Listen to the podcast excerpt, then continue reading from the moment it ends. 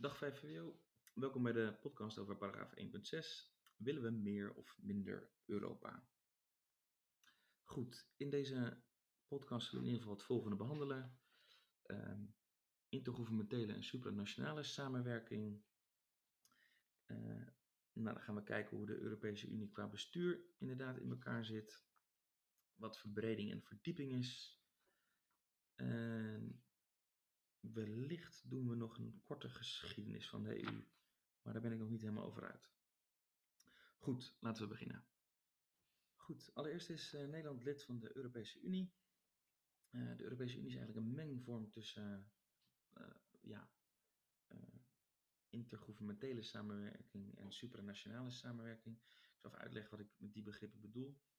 Intergouvernementele samenwerking betekent samenwerking tussen overheden dus dan maken landen onderling, een groepje van landen maken afspraken met elkaar. Het zit allemaal op hetzelfde niveau. Daarbij behouden staten dus hun soevereiniteit. Uh, soevereiniteit betekent dus dan dat ze het hoogste gezag in hun eigen land blijven. Um, dus kortom, ja, dan, dan hou je veel, hou je je eigen macht, uh, hou je zeg maar vast. Waarbij supranationale samenwerking uh, er eigenlijk voor zorgt dat je een stukje soevereiniteit afstaat aan een hoger orgaan. Dus kortom, dan staan uh, een aantal landen die supranationaal met elkaar samenwerken, allemaal een stukje gezag af binnen de EU. Dus bijvoorbeeld uh, um, uh, als het om landbouw gaat, dan zetten ze allemaal een minister van Landbouw daar. En die mag dan namens alle lidstaten voor heel Europa beslissingen nemen.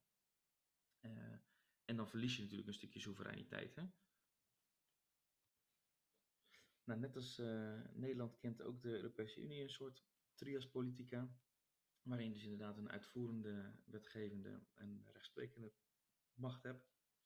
Uh, te beginnen met de uitvoerende macht, die in de handen van de Europese Commissie. Deze bestaat even, uit evenveel commissarissen als het de lidstaten zijn. Net als ministers van een land zijn deze commissarissen allemaal verantwoordelijk voor een bepaald beleidsterrein.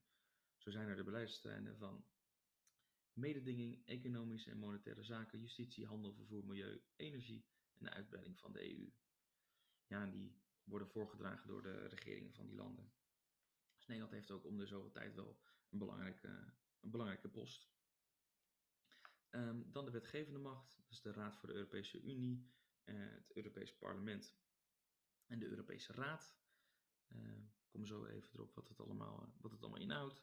En als laatste hebben we nog de rechterlijke macht, dat is het Hof van Justitie van de Europese Unie. Die Raad uh, van de Europese Unie bestaat uit ministers van verschillende lidstaten en wordt daarom ook wel de Raad van Ministers genoemd.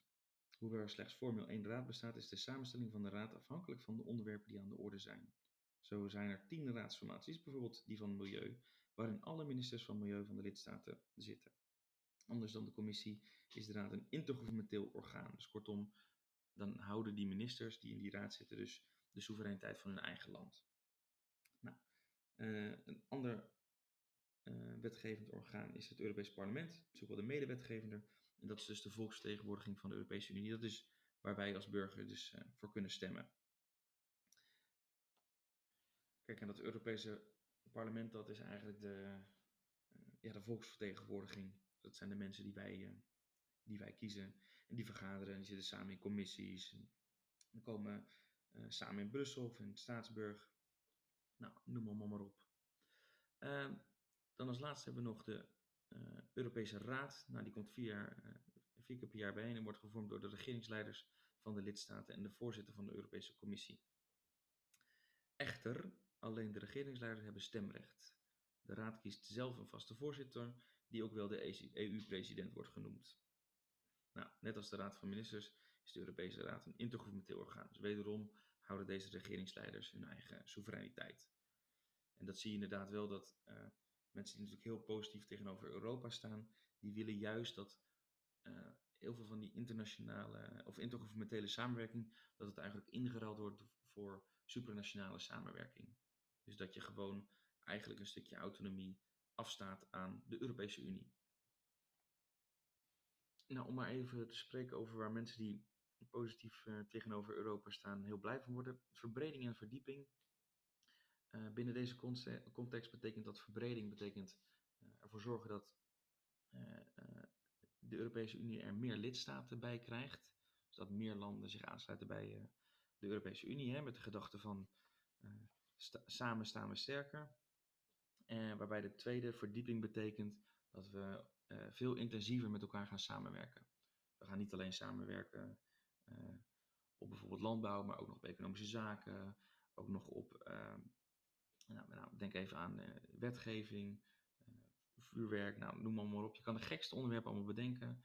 Denk ook even aan bepaalde EU-wetgeving. Het is natuurlijk heel vreemd dat, je, uh, dat wij in Nederland voor ons vuurwerk, nou, dit jaar misschien een beetje een slecht voorbeeld, maar dat we gewoon over de grens kunnen rijden en dat we natuurlijk super gaaf vuurwerk kunnen krijgen, wat we in ons eigen land niet mogen afsteken. Maar we hebben wel vrij verkeer van goederen. Hè? Dus de pakkans is vrijwel nihil als je even lekker naar België gaat om wat mooi vuurwerk te halen. Ja, dus daarom is, daarin zouden ja, mensen die natuurlijk heel positief tegenover Europa staan van goh, moeten we niet veel intensiever gaan samenwerken en voor de meeste EU-landen eigenlijk dezelfde wetgeving verzinnen. Dat het allemaal veel, uh, ja, veel intensiever met elkaar, uh, ja, veel meer op elkaar lijkt ook.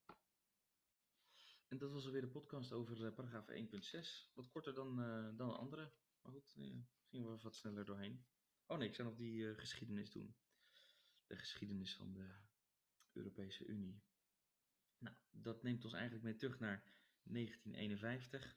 Dan richten zes landen, Frankrijk, Italië, West-Duitsland en de Benelux, die richten eigenlijk de EGKS op, de Europese Gemeenschap van Kolen en Staal. Dat is eigenlijk de eerste vorm van supranationale samenwerking die, uh, die we dan kennen binnen Europa. En dat doen ze eigenlijk met de gedachte, je hebt natuurlijk net de Tweede Wereldoorlog gehad, die gaan samenwerken op het gebied van uh, kolen en staal, dat dat natuurlijk de grondstoffen zijn voor de oorlog. Nou, ze komen erachter inderdaad dat dat goed werkt. Dus ze gaan later niet alleen samenwerken op kolen en staal, maar ze richten ook het gemeenschap voor atoomenergie op en de Europese Economische Gemeenschap.